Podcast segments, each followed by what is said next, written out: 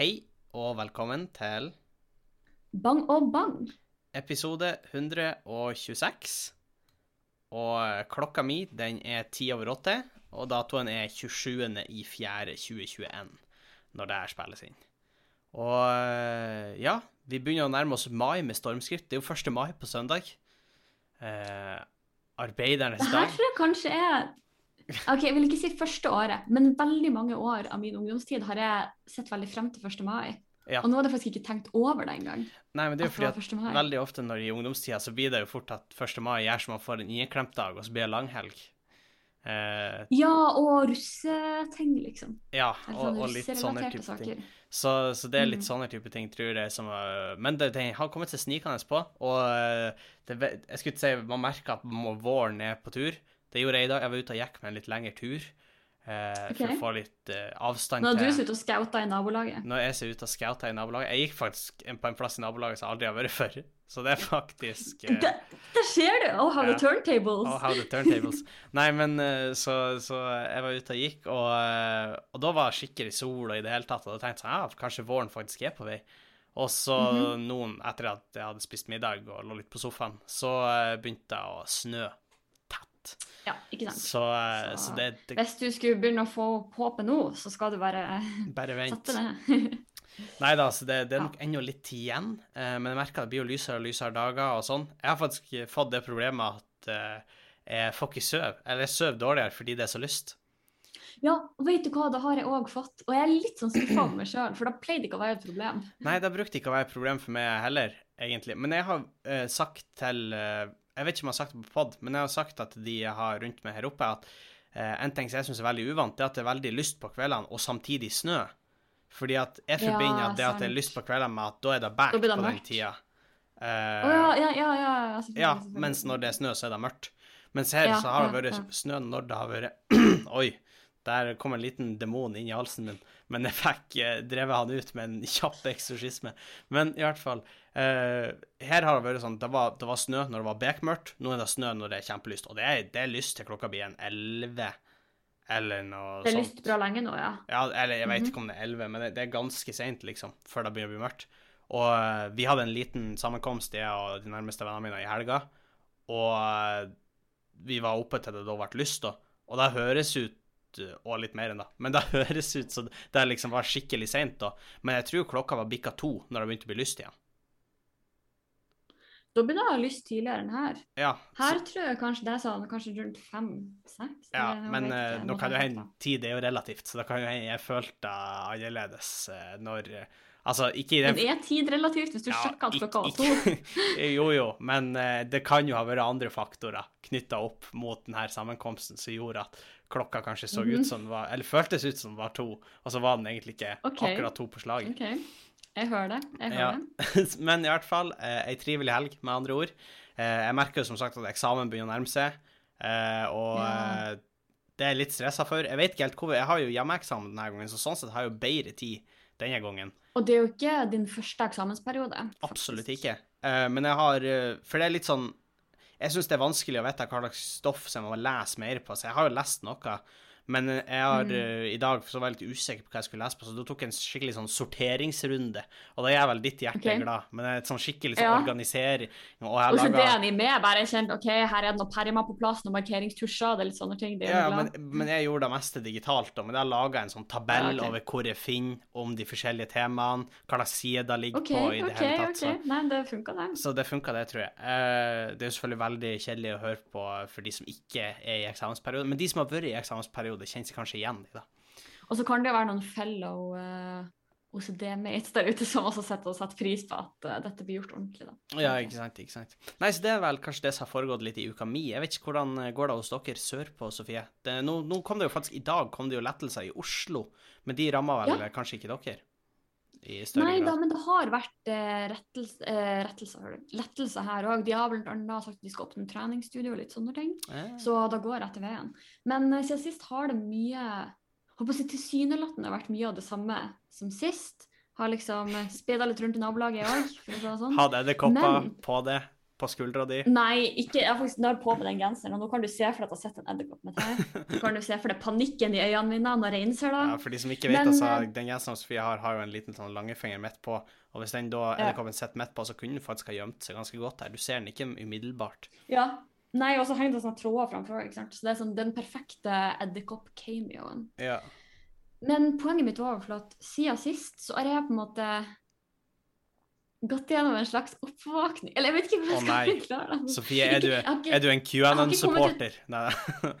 Ja, nå skal du høre. Jeg tenkte på det her, Henning. Hear me out. Ja. Nei, men eh, jeg har på en måte Jeg vil ikke si, jeg vil ikke si kommet ut av skapet, fordi jeg har altfor mye respekt for folk som, som faktisk Hæ? gjør det. Men eh, fordi jeg har innsett at jeg er et B-menneske som har lata som at jeg har vært et A-menneske så lenge at jeg har overbevist meg sjøl om at jeg er det. Hæ? Ja, men jeg kan jo huske fra når vi var liten i hvert fall, så var jo du alltid et B-menneske. Eh, når vi var Ja, men hva er det? Ja, men jeg, jeg, hva du skulle fram til nå? Det har vært så mange, det så mange lapper. Du sa det, det, Du er et B-menneske som lata som du var et A-menneske så lenge at du er bidda. Nei, så lenge at jeg har overbevist meg sjøl om at jeg var det. Ja, men da var du jo et B-menneske. nå har jeg funnet tilbake til mitt sanne B-menneske selv. Ja, det er da som er poenget. Hva du mener Ja, ja, men det var derfor jeg sa nå, i starten at var ikke du B-menneske når vi var yngre, og da sa du ja, men hva er da? Og da tenkte jeg Ja, ok, sånn Ja, var du ikke sånn da, sånn. Jo, jo, jo. I hvert fall sånn i hjertet mitt har jeg nok alltid skjønt at jeg var et B-menneske, men eh, jeg vet ikke. Det var kanskje liksom på, på, på ungdomsskolen at det begynte å gå nedover. At jeg begynte å opptre som, et som det A-mennesket jeg ikke er. Nei, At jeg begynte å bli opptatt av å jeg var ikke på Eh, ungdomsskolen da. Jo, fordi det var en periode hvor jeg tror det var sånn 7. klasse, hvor jeg var dritopptatt av å um, eh, være oppe sent og se på Senkveld og sånn. Eh, men, og Torsdagskveld fra Nydalen. Men etter da på en måte jeg gikk over, så begynte det å bli sånn Nei, men det var viktig å liksom eh, legge seg tidlig og stå opp tidlig. Og jeg vet ikke hvorfor. Og, men altså sånn Mm. Ja. på videregående var det jo helt ekstremt å stå opp drittidlig. Ja, Og også på universitetet så var det jo om å gjøre å stå opp sånn klokka fem-seks og dra og trene før forelesning, og så var jeg ferdig, og så OK, kanskje ikke jeg la meg så sykt tidlig på universitetet, da, men, men da har du opptatt av stå opp, nei, stå opp tidlig. Men eh, nei, altså, jeg, måte, jeg trenger mine, mine timers søvn, men jeg er egentlig mye mer effektiv på andre halvdel av dagen, hvis du skjønner. Mm. Eh, og det, det er helt nydelig, for jeg, jeg har på en måte noen arbeidsøkter som er sånn etter det før vi ansett som leggetid, sånn f.eks. klokka ti på kvelden, der jeg bare jobba driteffektivt i noen timer, og så får jeg gjort sykt masse mer enn jeg fikk gjort halve arbeids, den måte faktiske arbeidsdagen. da, Eller der, der man ville hatt en arbeidsdag. Um, så det er jeg sykt fornøyd med. Og det gjør på en måte at jeg er jo avhengig av å alltid være våken når jeg har møter. At jeg på en måte er ikke bare våken, men faktisk våken. Sånn at jeg på en måte ikke kommer rett fra senga til møtet klokka ni. Men, Ja, du kan jo eh, spille inn en sånn forhåndsinnspilt en sånn eh, bakgrunn som du legger inn på Zoom, hvor du sitter sånn først sånn og lener deg litt tilbake i stolen, så nikker Litt sånn du litt aktiv sånn. lytting, liksom. Ja, Nikker sånn, Du nikker litt litt, litt, og så later du som du noterer noe, Mm, absolutt, ja. absolutt. Det hadde La meg tenke litt på det. Det hadde vært en mulighet. Kanskje det er da jeg skal bruke tida mi på denne uka her. Ja. I stedet for å gjøre det arbeidet jeg burde gjøre. ja. Nei, eh, nei, så det, det Men eh, ja. Ja. Nei, men det, det, det er den awakeningen, bok, kanskje bokstavelig talt. Eller er det de Ja, er nei, da, da da no eller, pun. ja. eller er det no pun ja, Det er kanskje mer det er sleepening. Men er det kun ikke. positivt, eller er det liksom Ja, det er kun positivt. Ja, okay. Fordi jeg føler at uh, hodet mitt er mye mer våkent i den Jeg har menneskeslottet. på plass nå? Jeg er liksom han megahjerne. Oi, er du blå? Når Ja, mitt enorme blå hode. Ja. Nei, nei, men, men altså det med søvn blir jo veldig individuelt, og jeg tror det er mange som kan kjenne seg igjen i både det ene og det andre. Og jeg har jo perioder hvor jeg på en måte skjener helt ut, og da er jeg veldig effektiv typ 11-12. Eh, Men så er det andre perioder pika, på en måte. Ja, men så er det andre perioder hvor det er liksom opp og hopp halv åtte, eh, kanskje en kjapp det dusj, nice. litt frokost, sette Mhm. seg rett ned jobb fram til tolv, steinhardt, og så er jeg sånn wow, jeg er faktisk ferdig med det. Så det blir jo på en måte Man må jo bare finne ut hva som funker for seg, og så er det jo på en måte Da veksler jo litt hva som man, man gjør, eller hva man skal kalle det. Ja, nei, det er sant. Det er sant. Så eh, Men jeg tror på en måte Hva du tror liksom fra et menneskelig perspektiv, så er det vel altså sånn Hvis vi går biologisk, så er det vel på en måte A-mennesket som er det rette. For da står du jo på en måte opp med sola, hvis du ikke bor i Norge, da. Så står du på en måte opp med sola og legger det når sola går Ja, i. Norge, I Norge er det vanskelig, fordi Ja. jeg tror aldri menneskene var ment å ikke sove på sommeren. Men, eh, men jeg har faktisk jeg leste en studie en gang som snakka om at de tror egentlig at mennesker er skapt for å sove i to intervaller. Ja, at man det har skapt for å sove i to firetimersintervaller i stedet for ett åttetimersintervall. Ja, Men så har på en måte det moderne samfunnet tilpassa seg at vi har ett åttetimersintervall, og så jobber vi rundt da. Ja. Um, så jeg vet ikke helt, men jeg, jeg har også lest artikler som på en måte konkluderer med at det er biologisk forskjell på de som er, på en måte oppfatter seg sjøl som A-mennesker og B-mennesker. Ja. Så det kan selvfølgelig overstyres og overlæres. Så det er faktisk genene. Men- Det er, det er født sånn. Eh, ja, og om ikke genene, så i hvert fall hvordan måte, hormonene i kroppen funker. For vet, det de reseptorene du snakker om, da, som på en måte responderer på lys, f.eks. Ja, At de kanskje er mindre følsomme eller mer følsomme hos noen. Mm. Em, og også sånn hvor mye eller melatonin, melanin, Sånn det er det Eh, stoffet som skal få deg til å bli trøtt om kvelden. Sovemedisin, er ikke det melatonin? Jo, jeg, jeg tror det er på en måte oppkalt etter Ja, det ja, hormonet som skal gjøre det trått. ja det kan hende. Ja. Uh, så det, det, det er individuelle forskjeller. Så du, da, it checks out. It ja, checks og det er jo veldig sånn interessant, for noen er jo bare predisponert for sånne type ting fra fødselen. av. De, det ser, man ser jo også eh, Det var, å, det var hun Vilde som tipsa meg gjennom, for de har hatt eh, psykologi og i det hele tatt. Og det er sånn her, man ser at uh, ah, nå, nå blir jeg sikkert å si feil, men en stor vekt av de som er i fengsel, har mindre av det som heter grå substans på enkelte plasser i hjernen. Oh, faktisk. som vi, faktisk gjør at de er mer eh, predisponert for å ta eh, irrasjonelle valg, ta valg som ikke har Og så Ah. hadde liksom den casen som har blitt diskutert, liksom, skal det føre til at de får strafferabatt? Fordi de faktisk Ja. er født mer predisponert for å gjøre det, og i teorien vil Ja. en kriminell handling fra en person som ikke har det, vil være mye mer planlagt og kalkulert, og den vil ha faktisk vært Mm. en ondere handling, Ja, kan man sånn si, for det er ikke bare eh, Ja, ja. instinkt og sånn. Men så blir det jo på en måte igjen, det blir jo veldig urettferdig, fordi at for de har jo gjort samme handling, på en måte. Og hvordan skal du på en måte bedømme da? Hvor går grensene? Og skal du ta det på skjønn? Hvor ondskapsfullt Ærede dommer, jeg beklager at jeg fyllekjørt, men min grå substans er svært underutviklet. Min grå substans har vært ustabil i det siste, altså. Kan Nei. du bare se litt forbi det denne gangen? Men det er litt sånn interessant hvordan, man, hvordan man er liksom er predisponert for noen ting eh, fra fødsel. da. Og det finnes jo også en veldig sånn Ja. interessant eh, Harald Eia-dokumentar, eh, som jeg dessverre ikke husker konklusjonen på. Den må jeg se på nytt. Hvor de diskuterte det med født i feil kropp, om det er født sånn eller Ja. blitt sånn. Og Ja. eh, jeg husker ikke helt svaret, men sånn som jeg husker så var det veldig sånn litt begge deler. Eh, Ja, ikke sant? Men da er jeg ute på tynn is, så jeg, jeg må se den igjen. Men det var en veldig interessant dokumentar, så se den. Eh, den het, jeg husker faen ikke hva Harald den Eia heter. mye bra. Ja, hvis man googler Harald Eia og uh, Født i feil kropp, så tror jeg man finner det. Og hvis det skal komme en Mm. anbefaling av en annen komiker, som Sofie har fått en awakening for denne uka, så må det bli han eh, James Acaster. Og vet du hva, jeg har sett så mye James Acaster den siste uka, og jeg flirer så jeg skriker. Det er så bra. Han er veldig, veldig god. Uh, virkelig. Ja. Han, er, han er en mann. eh, Han er en mann. ja, jeg vet ikke om han eh, skal si så mye mer. Han er en mann. Altså, Hvis man skal sammenligne det showet hans med noe på den norske arenaen, så kanskje Har du sett Lars Berrum med Tutti Fruttiland? Ikke da, men jeg har sett, eh, jeg har sett litt Ta- Lars Berrum. Da. Ta og Se Lars Berrum på YouTube, Tutti Fruttiland, hvis du liker James Acaster. Fordi det er, Ja. det er James A. er, så, det er så perfekt kaotisk. Og Ja, det er sånn, Hver gang du tror du skjønner hvor det skal, så er det sånn curveball. Ja, det er veldig mye sånn. Og så er det også i den specialen hans, så starta han Han snakka om hvordan showet starta ikke før han står rett opp, for han kommer inn på scenen på knærne. Ja. Og så er det sånn halvveis inn i showet, så røyser han seg og sier 'nå starter Ja. showet'.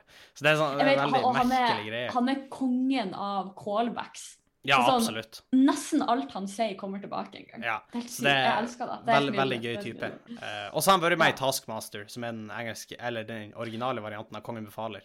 Og etter du tipset om Taskmaster, har jeg også kikka sykt mye på Taskmaster, og der Ja. er det mange andre morsomme også. Ikke bare han. Så det kan anbefales uh, både avhengig og uavhengig av han. Ja, absolutt, absolutt. Uh, ja. Nå blir det en veldig brå overgang her, men det er fordi at jeg har noe som jeg har lyst til å snakke om. Eh, For i forrige uke så var det jo mye spennende som skjedde politisk. Eh, Både SV og Venstre har jo hatt landsmøtene sine i helga. Eh, Da var det stilt på en måte mye, mye forventninger til begge partiene for hva slags type politikk de kom til å ha med ruta. Særlig for Venstre sin del, men kanskje også for SV, fordi SV har jo i mange år vært i den posisjonen at de har vært et veldig klart opposisjonsparti, kanskje på samme måte som Rødt har vært da denne gangen, hvor de er på en Ja. måte ganske langt til venstre, og hvor de på en måte ikke nødvendigvis har ønska makt i så stor grad, eh, men kanskje heller er mer ute etter å påvirke på de viktigste sakene. Ja, at de på en måte er en, en motvekt i et ellers ganske Ja. sånn likt eh, politisk landskap, som Ja. det jo fort blir i Norge. Eh, Men de er blitt mer De har nok havna mer inn mot sentrum, hvis du spør meg, i hvert fall. Men det er jo fordi Jo, de har vokst. Eh, Ja. Og så nå, nå er de på en måte virkelig ute etter makt. Så det var på en måte litt sånn spennende å se, for de har jo veldig lyst til å komme inn i regjering. eh, og et godt valg for SV vil bety at Ap er nødt til å ta de med for å kunne få flertall. Så det, det har vært mye kn spenning knytta til det. Eh, så har det vært mye spenning knytta til Venstre sitt landsmøte, fordi at Venstre er jo i en posisjon hvor de ligger veldig og vipper rundt sperregrensa. Så det er veldig viktig at det, blir, det kommer noe bra ut derfra. Eh, Det skapte jo noen overskrifter med tanke på sykedager, eh, hvor Venstre har vedtatt noe. Eh, greier. Jeg, jeg forsto ikke helt Jeg satte meg ikke så ordentlig inn i det, jeg skulle jo vel ha gjort det, men det skapte noen overskrifter, og så skapte det noen overskrifter at Venstre nå Det ble fremma et forslag om det skulle selges cannabis på Vinmonopolet eller på apoteket for medisinsk Mhm. bruk. Og det ble ikke vedtatt, men det ble vel vedtatt at de skulle kjempe for å legalisere cannabis. Eh, I hvert fall frem cannabissaken. Så da er jo de Ja. som MDG, hvor MDG har tatt en veldig tydelig posisjon, og Venstre har tatt en ganske Veldig tydelig. tydelig. Eh, så det er på en måte, har vi to partier som faktisk ønsker å legalisere, og det er også ganske nytt for den, den norske politikken, da. Ja, ikke bare avkriminalisere lenger, men faktisk Nei. legalisere. Og jeg tror jo at uh, det var synd at rusreformen ikke hadde skjedd, for jeg tror den kunne ha vært med og uh, vist vei for en del en legaliseringsreform. Eh, kanskje ikke bare på cannabis, men kanskje et par andre stoffer òg, hvis man hadde Mm. virkelig lagt vitenskap på bordet. Eh, og i en annen Mm. sak hvor folk har lagt på en måte mye vitenskap i bordet, og som er blitt ganske heftig debattert etter denne uka, eh, er da at SV går inn for å endre på abortloven. Eh, Ja. Har de fremma politikk, da. Og jeg sendte jo melding til deg i går, Sofie, fordi jeg Ja. hadde lyst til å snakke om det her. Men så sa jeg til deg det er fint om du også setter inn her, så ikke det bare blir eh, Henning, 20 år, eh, gutt, som aldri blir å ha behov for å ta en abort, skal sitte og si Nei, hva han syns om det her. Eh, Mm. Men de har bestemt SV vil ut... Eller de har, de har ikke bestemt at sånn blir det, men SV har lyst til å utvide selvbestemt abort til uke 22. Mm. Og politisk redaktør i VG frykta da amerikanske tilstander i debatten. Eh, de håpa liksom Eller de, de frykta at det kan bli veldig steile fronter, da. Og veldig sånn Ja. pro-life, pro-choice-opplegg, sånn Det er jo et veldig, veldig eh, ømt tema Ja. for mange. Så- Eh, og så går de jo inn for å fjerne nemnda, blant annet, og sånne type ting. Og, Mm. og, og i det hele tatt. Og så skal det jo sies at et foster anses som levedyktig per norsk lov i enden av uke 22. Mm. Eh, så er det levedyktig. Uke 22 det er jo hvis man deler på fire, ikke sant? Så finner man jo ut at det er halvveis. Det er, nei, det er over Ja. halvveis. Fem og en halv måned, blir det ikke det? Uh, jo, Nei blir det ikke det? Nei, det blir fem måneder. To uker. Ja. Det blir nærmere fem, fordi at det er ikke fire, måned, fire uker, er ikke Jo, nødvendigvis ja, en måned. Men det blir på en måte ca. fem måneder. da. Så du er over Mm. halvveis. Og KrF var selvfølgelig ute på banen, sa det her var hårreisende Ja. i det hele tatt. Uh, og jeg var også sånn Jeg, jeg, jeg fikk et nytt eh, innblikk på nå, nå tenkte jeg nå kan jeg begynne, og så kan du eventuelt eh, få lov å jumpe inn etterpå. Gjerne. gjerne. Eh, Jeg fikk et nytt syn på det med abortsaken eh, når jeg leste meg litt opp på det. Jeg så at Ap hadde tenkt å endre til at det er fri abort fram til uke 18, og fjerne abortnemnden. Eh, og så tenkte jeg wow, det var jo litt ekstremt, det er jo seks uker mer enn det som er nå. Eh, så begynte jeg å lese meg litt opp på det, og begrunnelsen som både Ap og eh, SV og Rødt også har i sine program, for alle de er for, og eh, i hvert fall til uke 18, er alle enige om, å fjerne nemnden. Og det de argumenterer for, er at når abortnemnden i ni av ti saker eller noe sånt, tror jeg var statistikken, godkjenner en abort på et 18 år Nei, 18 år gammelt foster Hjelp, det er, Det er for sent. det er en er senabort, om jeg noen gang har hørt om. Men eh, 18 uker gamle foster, så har vi jo egentlig blitt enige om at det er greit å ta livet av 18 år gamle foster Nei, 18 uker gamle foster. Ikke lov med 18 år. 18 år. Henning, 18 år, da er du tilbake i det vi snakka om i stad. Sånn, Hvordan skal man dømmes når man har gjort en Da er liksom jeg akkurat unna har faresonen, eh, basically. Ja. Men, eh, men 18 uker, så har vi egentlig blitt enige om at det er greit å ta livet av foster som er 18 uker. Da må bare innom ei nemnd. Det er bare at uh, vi skriver det, det er akkurat det. Vi, det skal bare ikke være så lett. Så da tenkte jeg Mm. OK, vet du hva, greit, jeg driter i denne nemnda. Hva faen skal de eh, få lov å kan, Hvorfor kan ikke Mest sannsynlig så vet jo dama best eh, framfor den nemnda, så jeg kan være med på den. Helt fint. Mm. Eh, dama vet nok best i de aller, aller, aller, aller fleste tilfellene. Og jeg vil tro det er andre instanser som stopper henne, f.eks. hvis hun er veldig syk eller sånne type ting, eh, som stopper henne hvis mm. det skulle være uaktuelt. Og så er det jo fram til uke 22, da. Og sånn, min umiddelbare reaksjon Jeg vil gjerne høre hva du tenker også. Min umiddelbare reaksjon var sånn Oi, shit. Det er ganske tett på, Det er hvis du det. er det. Eh, men Og jeg Ja. Ja. Nei, fortsett. fortsett. Nei, nei, gjerne bare spille inn det du skulle si. Ja, jeg, jeg vet ikke hvor uh, sent Eller nei, hvor tidlig et barn kan fødes og så overleve. Men det er kanskje rundt Etter uke 22. Ja, eh, og, men, men jeg tror på en måte ikke Jeg tror ikke det er veldig Nei, de, de, de kan ikke, ga- litt tynn de Jeg kan tror ikke ikke det er sånn at alle som fødes på uke 22, overlever heller. Nei, de kan men, ikke eh, garantere for at den overlever, men de, de sier at det er en sannsynlighet for at den kan overleve, da. Ja, sant, fordi sikkert de mest vitale organene er ferdigutvikla. Ja, det handler om at lungene er ikke helt ferdigutvikla, men de kan supplere med oksygentilførsel og sånne type ting, og hjelpe til. Så hvis en får ordentlig oppfølging og har litt flaks Ja, sant. eh, og, Ja. og så er det jo også en faktor at det ikke alle foster er så store eh, når de er så Nei. gamle. Noen er jo faktisk tregere, og noen blir født senere og sånne type ting. Og det vil jo i hvert fall ha ting og, Altså, det vil ha noe å si. Absolutt. Alt har jo alt har innvirkning da. her. Eh, men så tenker jeg liksom Altså Hvis det er Ja, for det er liksom Når skal eh, livet til barnet veie tyngre enn mora sitt, på en måte? Nå er det jo ikke sånn at det- mora dør, på en måte, men Nei. et liv blir ganske i annerledes når man føder et barn. Man får aldri tilbake det livet man hadde før det barnet, Nei. tror ikke jeg. Og for meg så er det på en måte akkurat det spørsmålet der som står sentralt i egentlig alle, spørs, alle abortspørsmål. Fordi det er på en måte hovedårsaken til at jeg tenker at selvbestemt abort er så viktig. Mm. Fordi det er selvfølgelig et liv som skal bringes inn i verden, som har sin verdi og alt sånn, men hvis på en måte den mora som skal bringe inn det livet til verden, ikke har eh, det overskuddet eller den muligheten til å gi dette nye livet et verdig liv, Ja. så er jeg litt sånn, skal hun tvinges til å, til å halte seg gjennom da mot sin vilje, eller mot måte, sin beste vurdering, da? Ja, det er akkurat da jeg òg tenker. Og så tenker jeg at det må jo være en slags faktor her at jeg tror de aller, aller, aller, aller færreste blir å ta en abort i uke 22.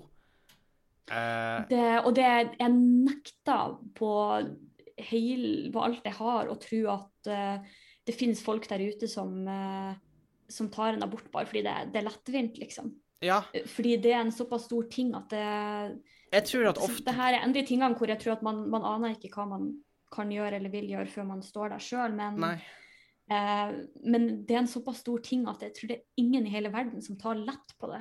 Nei, det er akkurat da, og og jeg tror liksom de som tar en abort i uke 22, de har helt spesielle grunner. Enten at det er typ ei 15 år gamle jente som faktisk ikke har oppdaga før i uke 22 at, For det kan skje, at hun faktisk ikke har oppdaga før da at hun er gravid.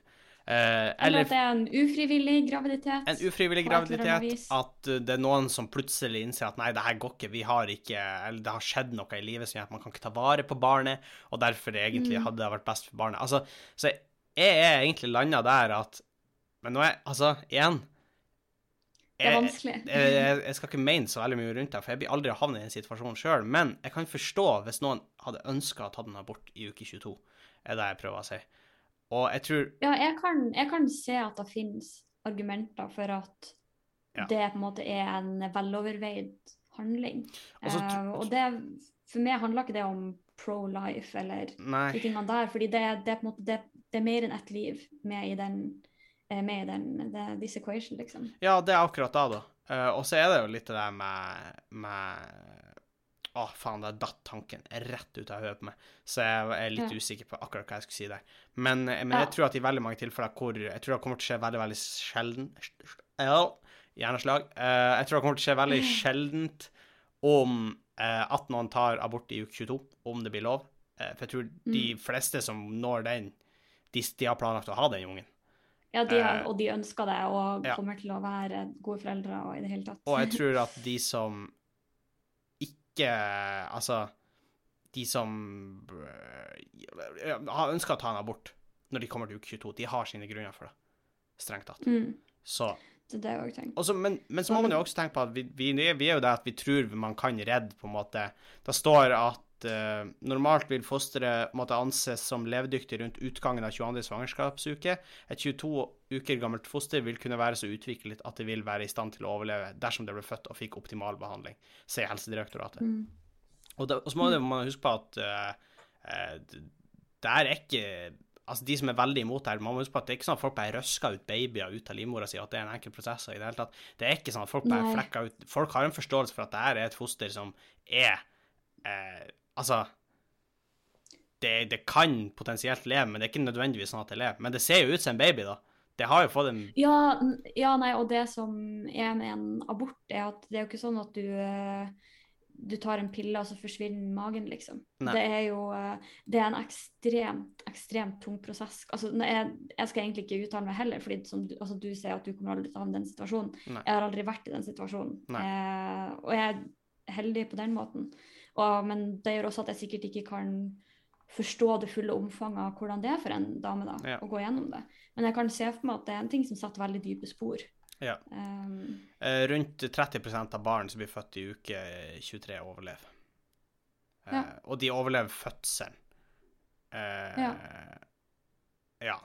ja, for det er selvfølgelig en ting kan, om, En ting er at du overlever fødselen, men Ja, altså det, er anslått at de over, overlever fødselen og uh, Altså, det blir jo da å si at 70 overlever ikke fødselen og pluss kort tid etterpå. Eh, Ja, ikke sant. blir det. Så det, man må jo regne med det Mm. da. Men eh, så jeg tenker at det her er egentlig et steg i Altså, det, jeg, jeg ser ikke et voldsomt stort problem med det. Jeg tror ikke personlig at jeg hadde gått og kriga for må ha abort i uke 22. Eh, Nei, jeg vet ikke om det kommer til å bli min fanesak, utvalget, men jeg er veldig for å fjerne de nemndene. Jeg er veldig, veldig for. Og jeg tenker at vi, når vi er først er blitt enige om at det er greit at et eh, foster blir abortert i uke 18, så burde alle få lov til det. Og da burde det ikke være noen andre som bestemmer det. Det tenker jeg. Nei, og det eneste på en måte jeg tenker eh, at den nemnda kanskje hadde tjent eh, sin funksjon med, er det å på en måte være en eh, Sett at det er en eh, dame som er i en situasjon hvor hun ikke har så mange andre å på en måte rådføre med, eller å snakke med dette valget om, så kanskje den nemnda på en måte er en litt sånn verdifull siste post før du tar et endelig valg. Men det var et poeng Eh, at men det- folk som skulle ta abort etter en viss Jeg lurer på om det var enten uke 12 eller uke 18 med de nye lovene, blir å få tilbud om hjelp. Altså, Men det var akkurat det jeg skulle til å si. Ja. Og at vi, vi har sannsynligvis bedre instanser enn en utvalgt abortnemnd. Vi har helsesøstre og leger eller psykologer eller på en måte de som er best skikka til å ta denne samtalen med en person i denne situasjonen. Ja.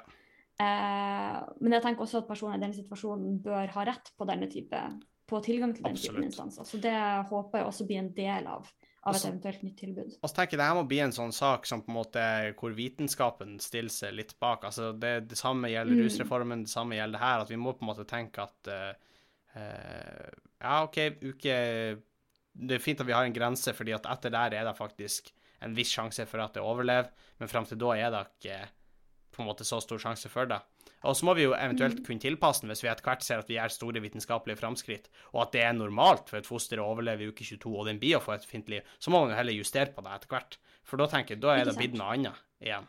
Men det her er jo akkurat som vi snakket om i forrige uke, en lov som ble vedtatt en gang, kommer aldri til å være for alltid Nei. relevant. Absolutt. Eh, så i denne som alle andre saker må man jo være åpen for at ting kan og kanskje bør endre seg etter hvert. Ja. Eh, Ja, men jeg synes det, var- det var fint at du kom med innspill òg, at ikke det var bare jeg som satt her og tenkte ja, men de skal få lov å Henning synser om de viktige spørsmålene. Ja, sant, men det hadde jo vært verre hvis jeg sa nei.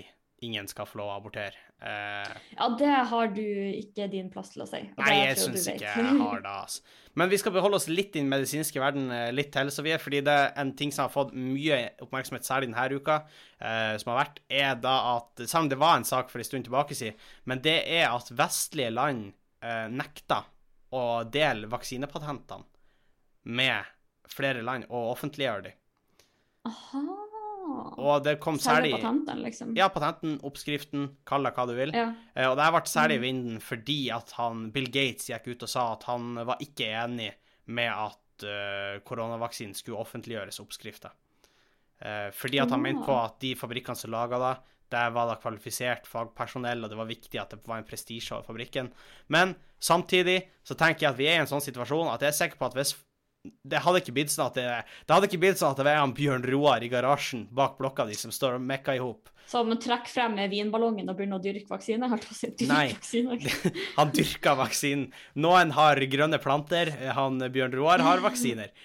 Men, Har grønn vinballong med vaksine i. ja, men jeg tenker at akkurat nå er vi i en sånn situasjon at vi må bare si fuck it til uh, litt sånne type ting. Jeg, jeg er veldig sikker på at det er ikke da som er problemet. For vet du hva jeg tror er problemet, Sofie? Jeg tror problemet er at Det er mye penger i dette. det er mye penger i det her, og de vil ikke Mm. at eh, folk skal få gratis vaksiner. Uh, oh, og det her, er en, en, det her er en ting som gjør meg sint, om ikke på en daglig basis, ikke så langt unna, men det er det her med at Ja. f.eks. helse og medisin er så styra økonomi. Ja. For det er et så stort krasj. Ja. Er, Det gjør meg sint. Så, og Og da er irriterer meg særlig at eh, både Norge, USA og Altså Norge og resten, egentlig EU, da. Ja, jeg sier resten av EU, for vi er faen meg nesten i- med i EU. Og Ja, eh, har gått kjempehardt mot forslag og jobba mot det det siste halvåret. Eh, aktivt imot det. Og det syns jeg ikke er noe, noe, noe Det blir jeg flau over. Nå må jeg hjelpe folk. ja, fordi det her, eh, det her handler ikke om at eh, vi skal komme best mulig ut av det, men det handler om at folk skal komme ut av det, punktum. Ja. Og hvis folk Og skal komme ut av det, punktum, så trenger vi vaksiner til folket. Og til og med USA og Norge har nekta å gi bort AstraZeneca-vaksinene sine, som vi har sagt at vi ikke vil bruke. Men da tenker, jeg, da tenker jeg har litt med å gjøre. Skal vi shippe en ladning med vaksine som vi Jo, jo, tror kommer men det er land som har sagt at de er villige til å ta den risken, og de ønsker å vaksinere. Men, okay, men, men der er jeg nesten litt sånn ok, Hvis de faktisk sier det. Men samtidig tenker jeg at ok, i et land som Norge så har vi en infrastruktur som er på en måte sånn at det er selvfølgelig veldig uheldig fremdeles at folk får blodpropp, det er ikke det jeg sier, men vi har en infrastruktur som kanskje i større grad er skikka til å ta vare på de som kanskje opplever den bivirkninga. da, da. Er Versus ett et av de landene som i utgangspunktet ikke hadde ressursene til å få tak i vaksinene. Men uh, vi Eh, har jo gitt uh, Men selvfølgelig, hvis de virkelig ønsker dem, kan kanskje Og så har vi jo gitt men, AstraZeneca-vaksine til uh, i-land. Det har vi gjort. Også etter at vi fikk beskjeden med blodpropp. Å, vi har det? Ja. Ja. Nei, Så jeg vet ikke, altså sånn, Jeg er ikke noe helsepersonell, jeg er glad det finnes andre der ute som skal Ja ta disse avgjørelsene. Men jeg tenker at uh, vi må ikke glemme å være medmennesker midt oppi det hele. For Nei. det er en pandemi, liksom. Ja, fuck det der, ass. Fuck rikingene. Det her, det her er- handler om penger. Det er jeg 100 sikker på. Og, eh, det, Og er jo da er ikke godt nok. Det Nei. ikke godt nok. Og det har jo ingen bevis, eh, egentlig, for å, for å si det. Så man kan jo si det er min lille konspirasjonsteori, om du vil. Og det er jo en, en fin segway inn i vår kjære spalte, som er Er det en konspirasjonsteori, eller er det en bankteori? Hvor vi hver uke kommer med en konspirasjonsteori som vi enten har funnet på internett, eller har kokt de opp sjøl, og hvor den andre skal prøve å gjette hva som er tilfellet. Og denne uka så er det du, Sofie, som kommer med konspirasjonsteorien. Det er meg.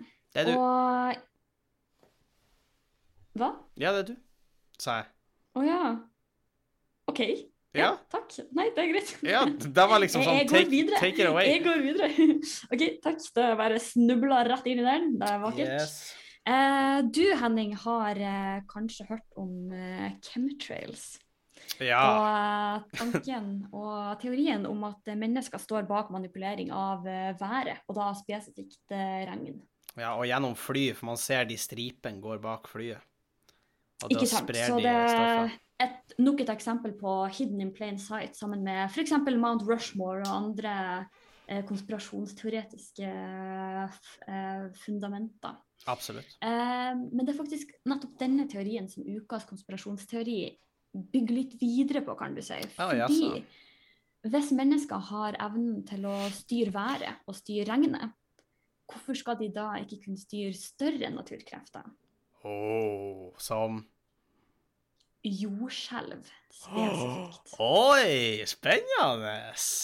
Ja, og Ja. denne på en måte hva skal jeg kalle det, skole av konspirasjonsteorier, for det er mer enn bare én, så jeg skal ikke på en måte gå inn på hver enkelt, men denne skole av konspirasjonsteorier eh, har på en måte tidligere fokusert litt på sånn eh, hvordan lager menneskene egentlig jordskjelvene, hva er det som skjer, eh, men de har beveget seg bort fra hvordan lager mennesker jordskjelv til hvorfor lager mennesker jordskjelv? Mer spesifikt, hva skal jordskjelvene distrahere oss fra? Å, hjelp. Ja, hva er det? Hva er det de skal distrahere oss fra denne gangen? Nei, det er jo da de lurer på. Å, jeg vet vi ikke. eh, Har de ingen teorier? De har noen teorier. Blant annet så eh, har de notert seg at mange skjelv i nyere tid har hatt episenter i det som kalles eh, US Navy and Naval Air Weapon Station China Lake, som er i Mm. Nord-Amerika, på vestkysten, tror jeg. Eh, og det er da et av flere episenter de peker på, der de mener at uh, jordskjelvene spesifikt skal distrahere oss fra gjerne militær aktivitet som foregår. Ikke akkurat Area 51, Hva faen, men på en måte brødrene til Area 51. Med en gang du sa det, så tenker jeg umiddelbart at det er ikke bare en konspirasjonsteori, det er sant òg. Tenker sånn umiddelbart. det er helt meg. Det er helt meg. Jeg tror kjempe Det på det kapitalismen. Ja, men jeg tror på Jeg vet at i, de har faktisk Når det har vært jordskjelv i Nord-Korea, så har det kommet inntil ut fra Nord-Korea uh, uker senere at det har skjedd atomsprengninger inne i fjellene der. Uh, Ikke sant? Ikke sant? Så eh, ja. Og ikke bare nødvendigvis at det er atomsprengninger, men det er selvfølgelig en skole av konspirasjonsteorier som mener på at dette er rett og slett eh, Aliens. Nei, OK. det er sikkert en skole som mener Ja. det òg, men det er ikke noe jeg har lest om. Er det livets harde skole som mener det? Er Livets harde skole med fordypning i kommentarfelthat. Ja. Eh, De er en særlig stor underdel av den skolen. Underdel? Under Undergruppe. Hjelp. OK, men ja, men hva, hva du skulle si? Um, ja, eh, noen mener selvfølgelig at eh, Ja, som jeg sa, dette er nok et eksempel på hidden in plain sight. Det er rett og slett bare dårlig kamuflert testing av våpen. Noen mener på at eh, dette har ikke noe med selve sprengninga eller selve skjelvet å gjøre i det hele tatt, men ved å utløse et skjelv, i Sør-Amerika, så kamuflerer man det som kanskje foregår eh, i en helt annen del av verden. Fordi Mhm. du på en måte styrer verdens øyne mot en stor katastrofe et sted Ja, for å skjule at det faktisk skjer noe et helt annet sted. Ah. Eh, motstanderne av denne teorien mener selvfølgelig på at eh, det er vanskeligere å argumentere for at eh, spesifikt jordskjelv er styrt av mennesker, men det er akkurat det noen på andre sida mener beviser at det kan være skapt av mennesker. Fordi Ah. f.eks. Eh, tornado og sykloner sånn, de kan man eh, på en måte estimere i forkant at ok, denne kommer til å slå inn om så og så mange uker, fordi man ser på hvordan eh, på en måte meteorologien på jorda eh, fungerer i det, et gitt øyeblikk Ja, og kommer til å skje framover. Det er jo det vi baserer den klassiske værmeldinga på. absolutt. Eh, mens eh, jordskjelv i mye større grad eh, skjer, eh, skjer på en måte plutselig, da. Så vil, man vil kunne Hmm. argumentere for at ja, men dette kan være en spenning som har bygd seg opp i jord, jord, de tektoniske platene over lengre tid, men vi har ikke sett den fordi vi mangler gode nok verktøy til å måle det, f.eks. Ja.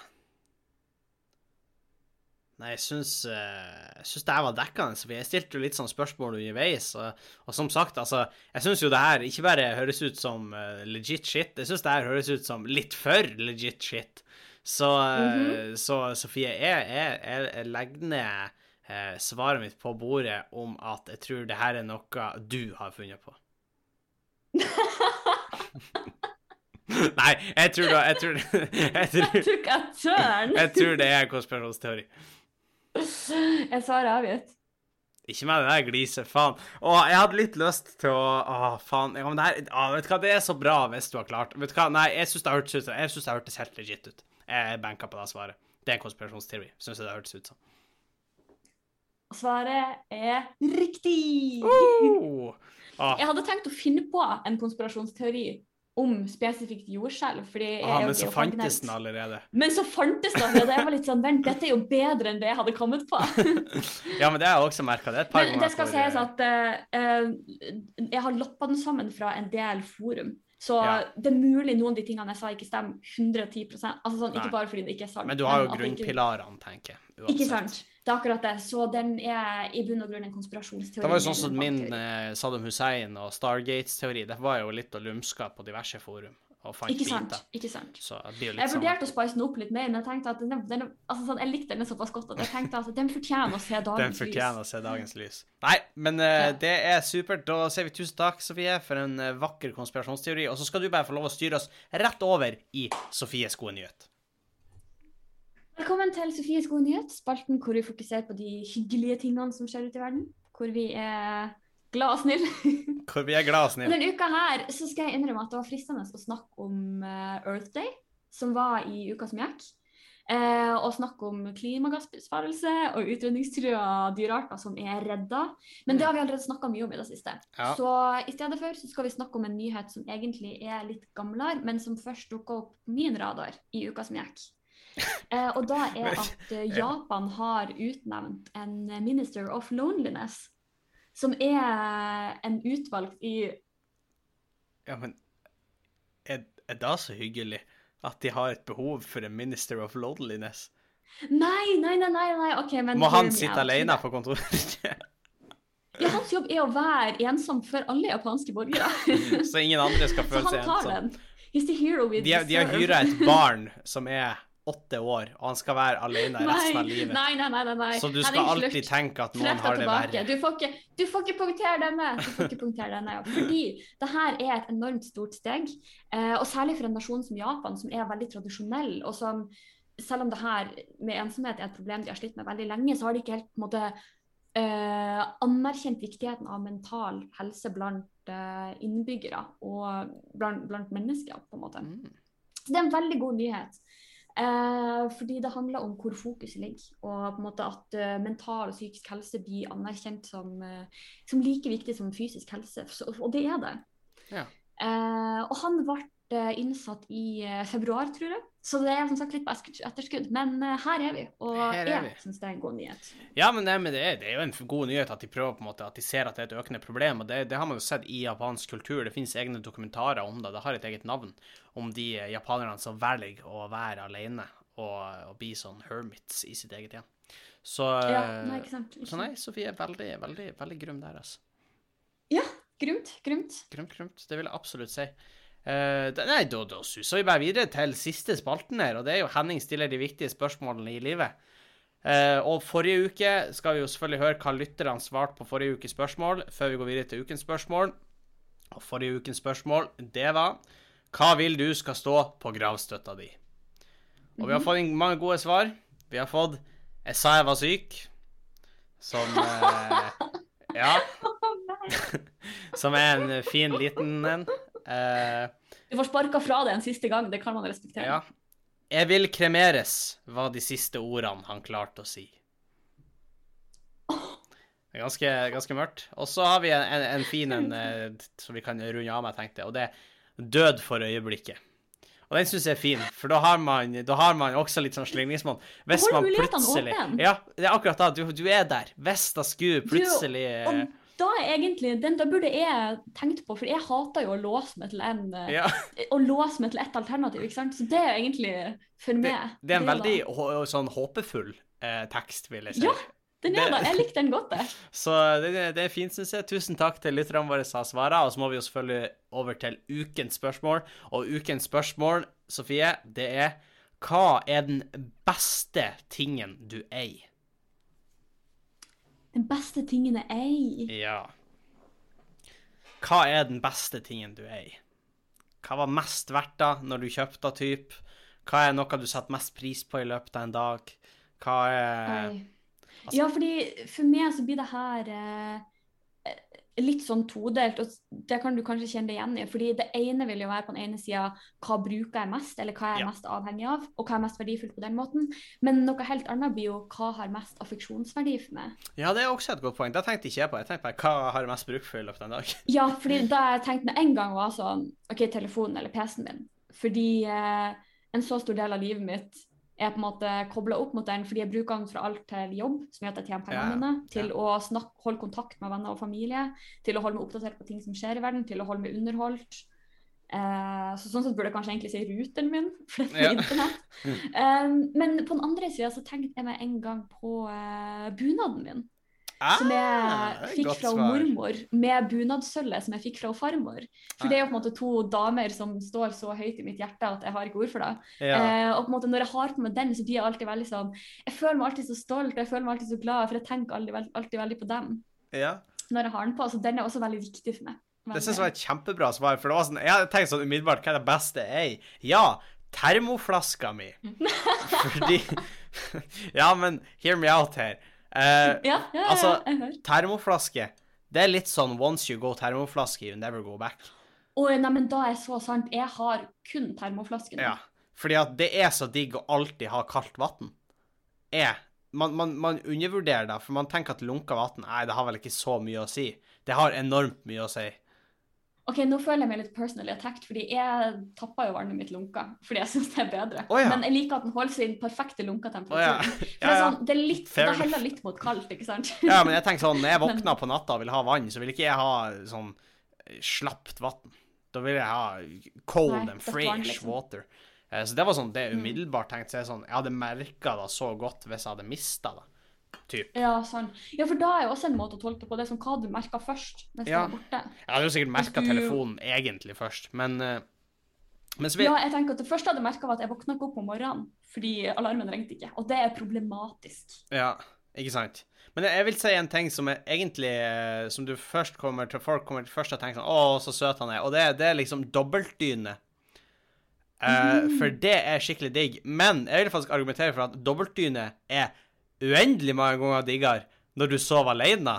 Jeg vet det, jeg vet det. Man burde egentlig ha hver sin dobbeltdyne. Ja, jeg har sagt at hun vil det. Du kan, du kan gå full burrito i en dobbeltdyne, og du har fremdeles dyne to spare. Det er helt, helt nydelig. Første natta jeg sov alene med dobbeltdyne det, det, det, Første gang jeg gjorde det, så var jeg faktisk på besøk hos han Kevin. Fordi på gjesterommet hans har de dobbeltdyne. Ah, ja, ja, ja. Og så var jeg sånn Holy fuck, det er mye dyne. Og så var jeg sånn Holy fuck, det er mye det er dyne. mye dyne. Og det var så digg, for det var så mye dyne. Jeg følte det var, det var evig dyne. Så jeg liksom første, jeg er blitt mer vant til det nå, men første gang jeg lå der, jeg var sånn Det er så mye dyne her. Og det var sånn der, jeg følte det bare tok aldri slutt. Og det var sånn, hvis jeg var litt varm, så bevegde jeg meg bare litt i dyna, for det var i den plass. kalde delen av dyna. Yes, og hvis man da Ja. snur ei dobbeltdyne, og man har ei varm dyne, det er noe av det beste i verden, på ekte. Så jeg vil absolutt si at dobbeltdyne er kanskje en av de beste tingene jeg er i. eh, Det er en luksus man kan unne seg her i livet hvis man, eh, hvis man er i en posisjon Ja, absolutt. Det, det, blir jo, det blir jo uten tvil en luksus. Uh, uten Mm. tvil. Men, eh, men eh, dobbeltdyne Det er det shit, ass.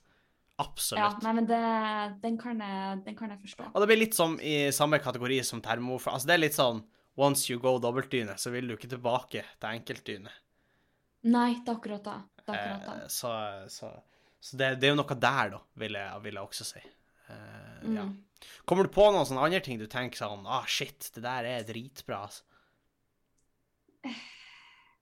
Jeg vet ikke, Det er jo ting jeg setter veldig pris på. Jeg, jeg bruker jo mye i løpet av en dag, f.eks. headsetet mitt. Ja, der sånn, er jo altså jeg sånn- òg, og headset og, og, og, PC samme, og sånn. og, og nok en gang, once you go uh, Bluetooth-headset. Uh, Ja, ikke bare Bluetooth-headset, men noise cancelling Bluetooth-headset. Så kan du ikke gå tilbake. Nei, det Det å reise med fly er en helt annen opplevelse. Og reise med fly med, noise, med god noise cancelling, riktignok, det, det er Mm. helt vilt. For det er sånn du skrur deg på, og plutselig summer ikke flyet. Det er helt vilt. Nei, ikke sant? Du, du kunne satt deg inn på kontoret ditt, liksom. Ja, og det, ja, Det- det, det er banalt. Det skulle ikke vært lov, nesten. Det er helt crazy bra. Ja. Det er det. Så det er noe Så nei, det er mye å sette pris på. Det er mye å sette pris på. Absolutt, og vi vil jo gjerne høre hva lytterne våre setter pris på. Men når dere kan svare neste uke på hva den beste tingen dere eier, er.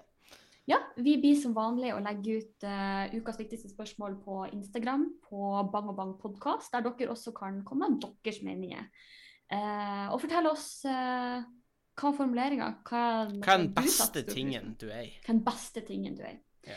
Og generelt så kan dere også nå oss på Instagram hvis det skulle være noe. Absolutt. Vi tar også imot mails på bangabang.gmail.com, enten det skulle være spørsmål, tilbakemeldinger eller forslag til tema til en fremtidig pod. Ja, og så må du gjerne rate podkasten om eh, du liker den, og gjerne anbefale den til en eh, venn eller fiende. Og så høres vi igjen i neste uke. Det gjør vi. Hei! Adjø.